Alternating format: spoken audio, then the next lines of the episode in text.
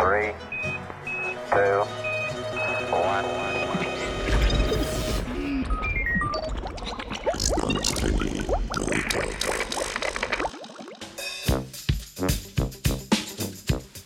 Sigurno poznate koga, ki ne mara paradižnikov. Fuj.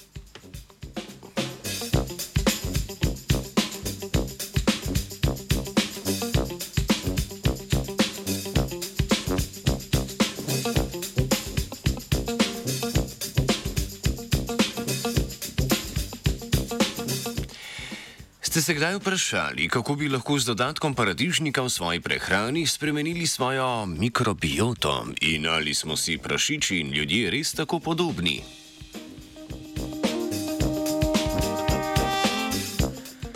Na te dve vprašanji so poskušali odgovoriti ameriški raziskovalci in raziskovalke v reviji Microbiology Spectrum. Mikrobioto predstavljajo vsi mikroorganizmi, ki naseljujejo določeno okolje. V dotičnem članku to okolje predstavlja črevesje. Zaradi podobnosti človeških in prašičjih prebavil ter sestave mikroorganizmov v njih, so si v članku za modelni organizem izbrali mlade prašiče. Paradižnik predstavlja približno 22 odstotkov vnosa zelenjave v prehrani zahodne populacije. Je tudi bogat vir osnovnih hranil, kot so naprimer vitamina A in C, vlaknine, likopen, flavonoidi in fenolne kisline.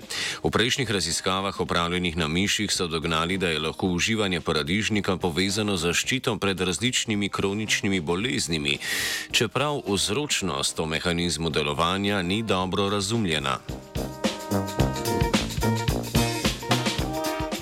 Deset kontrolnih mladih prašičev so hranili standardno dieto, deset drugih mladih prašičev pa je imelo v standardno dieto vključenih še deset odstotkov liofiliziranih paradižnikov. Količine vlaknine, sladkorja, beljakovin, maščob in kalorij so bile pri obeh dietah enake. Populaciji prašičev sta živeli ločeno, raziskovalci in raziskovalke, ki so vodili študijo, pa so z mladimi prašiči preživeli čim manj časa.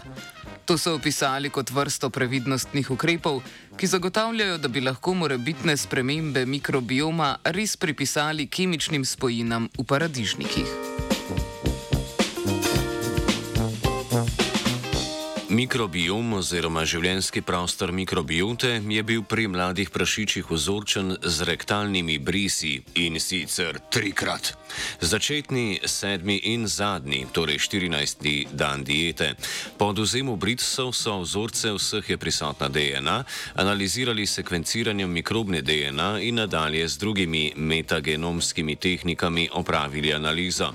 Z metagenomiko lahko preučujemo in analiziramo zaporedje genskega genetskega materijala iz kompleksnih bioloških vzorcev z molekularnimi metodami, brez predhodne gojitve mikrobov v laboratoriju.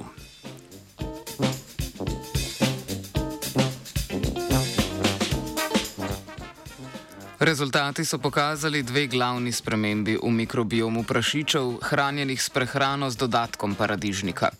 Povečala se je raznolikost vrst mikroorganizmov v črevesju in koncentracija dveh vrst bakterij, ki sta najpogostejši v mikrobiomu sesalcev. To sta vrsta bakterioidota, bolj znana kot bakteroidete, in vrsta bacilota, bolj znana pod imenom firmicutes.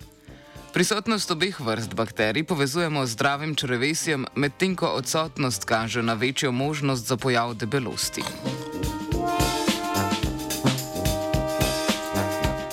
Raziskovalci in raziskovalke so ugotovili, da sta dva tedna uživanja hrane obogatene z dodatkom paradižnikov pri mladih prašičih povečala raznolikost črevesnih mikroorganizmov v smer ugodnejšega profila. Zato vedno pojejte svojo paradižnikovo solato do konca.